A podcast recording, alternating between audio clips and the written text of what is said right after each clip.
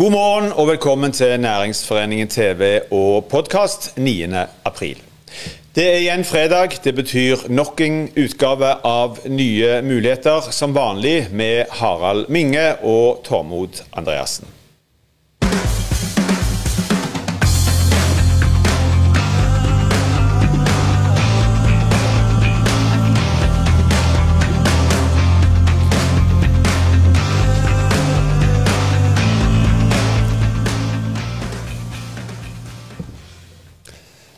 Hei, alle sammen.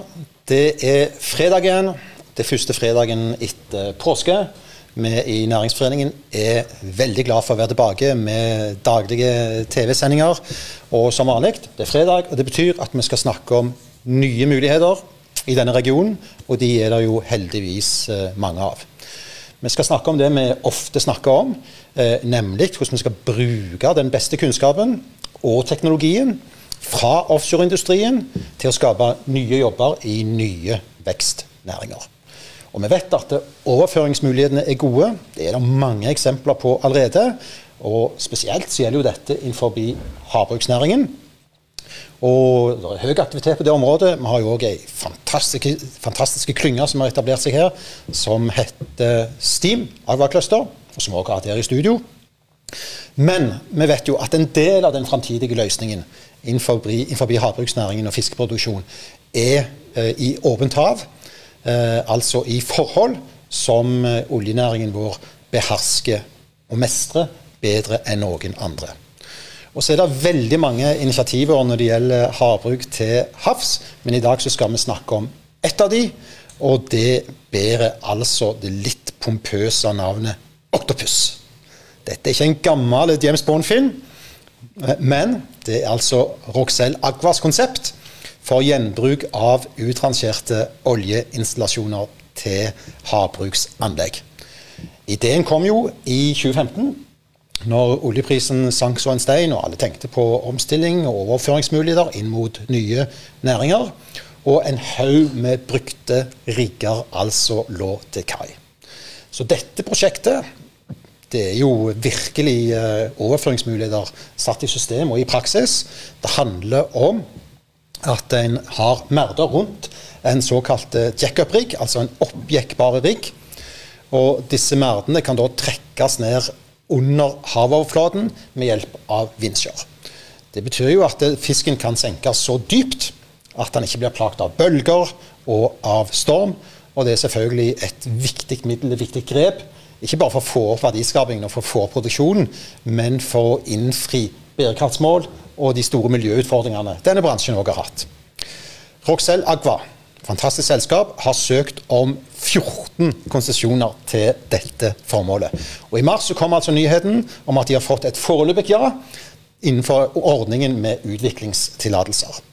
Dette konseptet fikk altså først tommelen ned av Fiskeridirektoratet fordi det ikke var innovativt nok. Var ikke gale nok. Men det ble heldigvis omgjort av eh, Nærings- og fiskeri, Fiskeridepartementet. Og nå har altså Roxella Agua fått seks måneder på seg til å bevise og dokumentere at dette konseptet er liv laga i utsatte værområder. Så med oss i studio i dag så har vi Dag Øyvind Meling. Han er en av de som etablerte eh, Roxelle Group. En av de få som har blitt hylla av selveste statsministeren i nyttårstalen for omstillingsevne, spesielt etter den vanskelige perioden i 2015.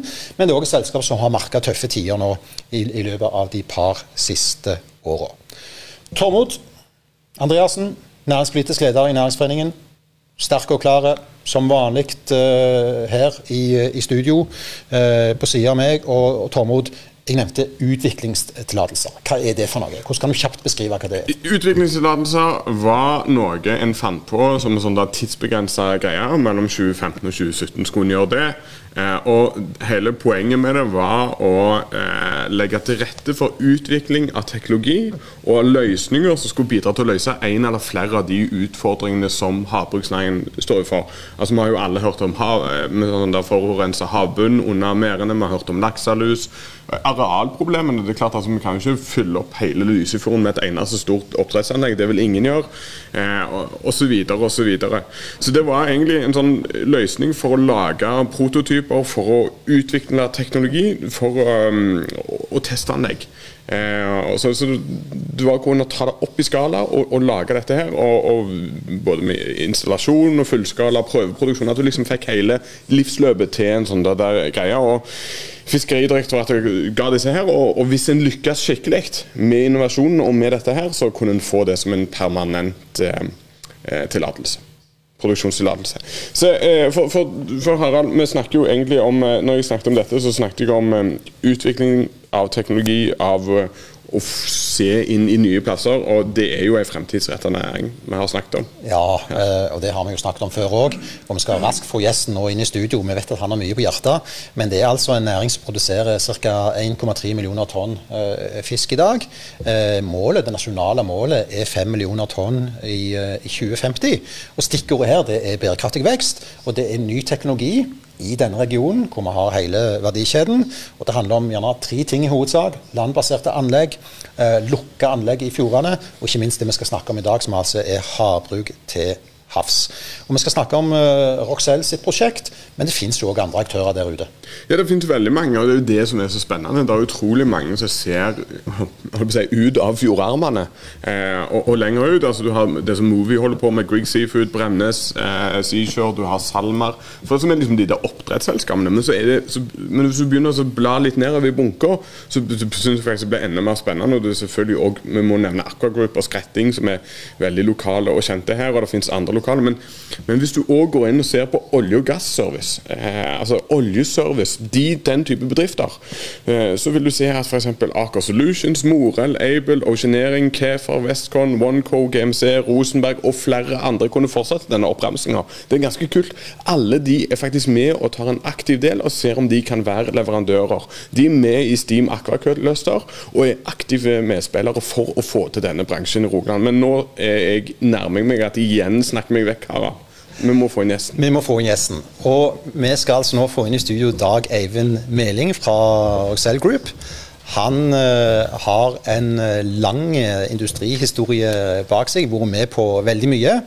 Og, og ble nok i, i 2015, uh, under det vi gjerne kalte for oljekrisa, et slags ansikt på hvordan en bedrift er nødt for å ombestille seg fra å være ensidig fokusert eh, på olje- og gassindustrien, til å se inn på nye muligheter og, og, nye næringer. Og Nå er det altså noe ganske spenstig vi skal diskutere.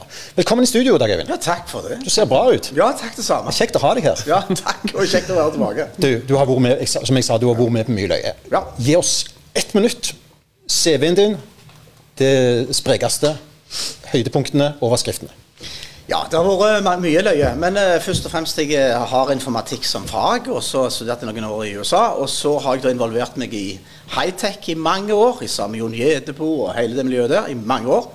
Starta egne selskaper i high-tech product drilling, ble solgt osv. Uh, eh, Starta Roxell for ca. ti år siden i sammen med, med Sigve Sandvik og Trond Ferkingstad, som har vært med lenge. Og eh, så har det bare gått eh, slag i slag. Og eh, sånn som du sier, noen på trynet har vi fått, men samt har det gått godt for de fleste tingene vi holder på med. Så er vi der vi er, sant. Og nå, nå vil vi at du beskriver uh, dette prosjektet som, uh, som jeg ga et lite bilde av i innledningen. Altså Prosjekt Octopus. Hva er det for noe? Ja, for oss så begynte dette for fem år siden. Da begynte vi å se muligheten på noe som jeg virkelig har tro på. Det har noe med, med, med, mat og helse. Det er en ting en virkelig virkelig tror på. I hvert fall for oss. Og så så vi den kombinasjonen av å bruke den teknologibasen vi har lært til nå, og, og flette den inn i, i, i, matnæringen. Og det er ikke tvil om at vi så at mange av de som gjorde det virkelig godt, både økonomisk, men òg hadde en mye mer lineær kurve istedenfor at markene går opp og ned, var, uh, var oppdrettsbransjen bransjen den var utrolig flinke eh, til akkurat det. Og så så vi liksom Er det mulig å bruke den teknologien? Ikke bare for laks, men går det an å lage lokalproduserte mat med den samme teknologibasen andre plasser i verden? Så vi snudde tankene. Men en viktig forutsetning var jo faktisk at en eh, greide å produsere det såpass billig og bra. Og ta de miljøhensynene som vi må gjøre, og ikke minst at folka er, er sikre. Og ikke minst at fisken har det optimalt. Så alle de tre elementene prøvde vi å bygge inn i den teknologibasen vi allerede hadde. Vi hadde da en, en setting der vi fikk med oss skretting fra dag én. Og eh, det å berømme dem, de var med allerede siden 2017 og, og var med å forme de tankene. Helt opp til toppen i nederlandske eierselskapet så var dette en del av det. Som har fått med mange andre i forhold til, eh, til partnere og sånn, som har vært med å forme dette de siste Men, fem men er det sånn at du våkna midt på natta og tenkte Herre mann, hvorfor har vi ikke tenkt på dette før? Det Nei, står en eh, haug med oljeplattformer rundt omkring. De må jo eh, vi kunne bruke til noe. Og jeg tenker jo normalt ganske stort. Ja, det, altså, tanken var Jeg må bare være helt ærlig. Satt, eh, jeg satt selv på et seminar ut på, på ut forbi her i, eh, og, og hadde ei, ei vin og sto og tenkte på alle de presentasjonene jeg så. Så begynte vi, i hvert fall personlig, tenkte jeg ok, det som jeg ikke forstår dette at vi skal bygge igjen sånne store installasjoner for over to milliarder kroner. Igjen for oss å gjøre dette greiene vi skal. Med store ringer som en har sikkert sett på TV og andre plasser i avisene. 130 meters ringer koster mange, mye penger. Nå var vi litt heldige når årene gikk, får vi si, tross i at nedgangen i olje og gass, at vi kunne bruke en del av den innretningen som vi da hadde. Vi hadde veldig god kunnskap om rigger, vi har jobbet med det i mange mange år. Og så så vi liksom ok, oljebransjen gikk ned, det var over 200 rigger som ikke ble brukt. Og kanskje dette var et, et moment som vi kunne bruke videre. Så istedenfor å produsere nye og eh, ka- kappe det opp i, eller opp i spiker, så var dette en mulighet for oss. Så vi, det var noe av tanken. Men altså For det første så tenker jeg Når du sier oljerigger, så tenker jeg det er skamdyrt. Uh, og for det andre så tenker jeg uh, Og når jeg tenker at noe er skamdyrt, så tenker jeg kan det lønne seg. Men, men altså, det er gamle rigger som dere gjør sertifiserer og gjør alt på ny, og så fikser dere de opp, og så Altså, hvor, hvor, hvor stort er potensial? Altså, hvor mange sånne rigger kan, kan det være plass til? Altså Hvis du tar hensyn til det som Harald sa, med 1,2 millioner eh, tonn produserer vi i dag. Hvis vi skal opp til 5 millioner tonn, så har vi bare beregnet den offshore andelen av det. Og så er det ca. 2,5 millioner. Men vi tror at uh, i potensialet her, så skal der, hvis vi skal klare det ambisjonsnivået som er satt der, så skal det ut 300 installasjoner med 10, 10 000 tonns produksjon. Det vil altså si 300 sånne installasjoner. Jeg tror nok ikke det blir eh, bare Octopus sitt, eh, sitt, eh, sine rigger, men her er en kombinasjon av teknologier som kan brukes. Men det er ikke tvil om at eh, markedet er, er formidabelt, og vi tror at vi kan være en, en eh, Tesla to seas, får vi heller si, som i utgangspunktet kan gjøre dette som en av de løsningene som kan faktisk gå offshore. Men det som har vært veldig viktig, det må være på fiskens premisser. Og det er det som har vært, i tillegg til det miljøet. Så det er de premissene vi har prøvd å bygge unna hele veien, samt at det er økonomisk forsvarlig. At vi kan produsere fisken rundt 30 kroner. Hvordan er prosessen videre nå? Altså, Dere søkte utviklingstillatelse. Dere fikk nei først. Og så overprøvde jo eh, Fiskeri- og, og Næringsdepartementet dette. Og så har dere fått litt kniven på strupa. Dere må komme opp med eh, en enda mer troverdig løsning i løpet av seks måneder. Eh, forklar hva som skjer nå framover. Ja, Vi har fått tre avklaringsspørsmål. Og de er veldig greie. Faktisk Når, når, eh, når eh, departementet ringte meg og fortalte meg gratulerer dere inn forbi ordningen, og vet du hva, vi ser at dere har svart opp de fleste spørsmålene i løpet av det året som har gått. Vi ser at de tre spørsmålene vi holder på med nå, både vi holder på med å jobbe med et svært juridisk eh, gjeng fra, fra Bergen og osv. Vi prøver å sette sammen de svarene vi har. Men vi tror vi greier å svare disse spørsmålene opp an, altså, anslagsvis rundt to måneder. Og, og det er rett og slett det det dreier seg mye om, det er at en skal ta ut fisken i et sånt miljø der du har både bølger og strøm, og du må kunne gjøre det året rundt. Og hva skjer da når, de, når dere har innfridd de kravene? da, er spørsmålet hvor mange konsesjoner vi får. Og det er det selve spørsmålet dreier seg om. Jeg tror ikke vi har problemer med å få besvart spørsmålene innenfor det vi skal gjøre, men det er antall konsesjoner. Hvor stor produksjon får vi lov å gjøre? Ja. Og det er rett og slett for å demonstrere at vi faktisk har kontroll på produksjonen, og da kan øke disse antall merdene som snakker om. Og så har du rigger, og så har du ombygging. Og, og det er, Vi har hatt veldig gode dialoger med bl.a. Westcon. Altså Mange av de miljøene som ble nevnt her, eh, med, med de, de fantastiske leverandørene som er her, eh, enten det gjelder Bryne eller oppe i Haugesund, eh, Mørenot eller Aqua-gruppa Bryne, så det er utrolig bra fagmiljø. Og det, Min drøm har hele veien vært i hvert fall, liksom, og det å bruke dette med norske miljøet, for jeg skal si hele Norge, eh, og den kompetanseprofilen som er, implementere dette inn i disse, disse løsningene, og lage det til en helnorsk løsning. Vi skal ikke produsere dette her i, i utlandet fullt og helt, som en del andre har valgt. Jeg tror det vi skal gjøre, bruke Westcon og bruke mange av de andre som har ekstreme erfaring med dette. Og vi har hatt allerede mange dialoger med dem. Dette blir steinbra. Men altså, dere skal bruke en gammel, Er det sånn at du har en rigg hvis du, hvis, altså alt det der juridiske kommer på plass nå? Er det sånn at du har en rigg på hånd? Eller Ja, Vi hadde allerede forrige uke, faktisk. Jeg ble kvitt to stykker av dem. Vi hadde ikke muligheten pga. vi kan ikke ha en, en rigg i hagen. I hvert fall sa kona nei. Så jeg fant ut at det, det beste for oss er å, å vente på om vi får svar på hvor mange. Eh, vi har allerede noe på hånd. allerede, Vi vet hva vi skal ha. Vi vet at disse er sertifiserte rigger allerede.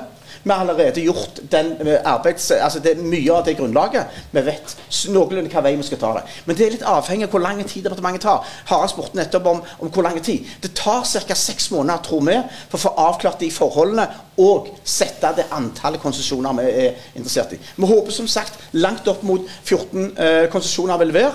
Vi skal investere over en milliard kroner her, så det er mye penger. Og, og det er klart vi trenger de rette partnerne, rette, rette investorene. Bare for de av oss som ikke som vet, altså, hører, hører navnet 14 konsesjoner og ikke vet hva det er. Altså, Hvor mye fisk eller hvor mange tonn eller kilo er 14 konsesjoner? Jeg kan si en sånn i merda, så en ser, jeg vet ikke om de sier om, om, om, eh, om, om en kan se det. En, den er 60 meter. Domkirka 300 meter borte her. Vi kan putte halvannen domkirke oppi der. Vi har 14 sånne. Og 10 000 tonn vil jeg si det er 10 000 biler. I én produksjonssyklus på ti måneder. Er det, altså, Én konsesjon er 10 000 tonn? Ja, cirka det. Han er 700, altså Én konsesjon er 780 tonn. Okay. Det er jo andre løsninger òg Ja. Mhm. ute i havet der, eh, som konkurrerer med dere. Hva er fortrinnet til deres prosjekt? Fortrinnet her i utgangspunktet, sånn som jeg mener For det første, alle andre som er kjent med Det er ikke mange som er offshorebaserte. Det er én eller to. Resten er på innerskjærs. Så forskjellen her er at vi i utgangspunktet ikke er avhengig av værvinduet på lik måte. Vi, er, vi trekker ned merdene mot, mot eh, havoverflaten, eh, ned mot sjø, eh, sjøbunnen, og igjen for å beskytte fisken. Det, alle vet som har sittet i en båt, er du da oppe og bølgene kommer, så treffer det. Hvor mange arbeidsplasser skaper vi i denne regionen, og hva type bedrifter kan blande på dette? Den største delen av dette vil være i, i produksjonselementet. Det vil altså si å produsere disse, disse merdene, teknologien, ombygging og sånn. Antallet vet jeg ikke helt så spesielt. Det er ikke så mange som skal være offshore. Men vi håper jo i kombinasjon at det vil skape mange arbeidsplasser. For det er store investeringer som gjøres. Dag Øyvind Meling, tusen takk for at du var med oss i dag. Det er en fryd å ha deg i studio. Jeg merker at eh, nå ble du så varm at eh, du må ha ei cola til. Ja, vi kan holde, på litt lenger. Så det skulle vi gjerne ha gjort. Det skal vi òg, men vi må slutte sendinga. Tusen takk for at du kom. Og vi skal ta og runde av eh, denne fredagen òg.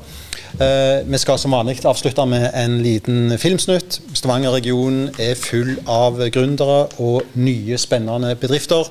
Og i serien Nysnakk så ønsker Næringsforeningen å vise disse fram. Og kanskje er det altså en ny Uh, Gud forby Dag Øyvind Meling som dukker opp i en av disse uh, sendingene. Tommel Andreassen, Harald Minge. god helg. Kjør film.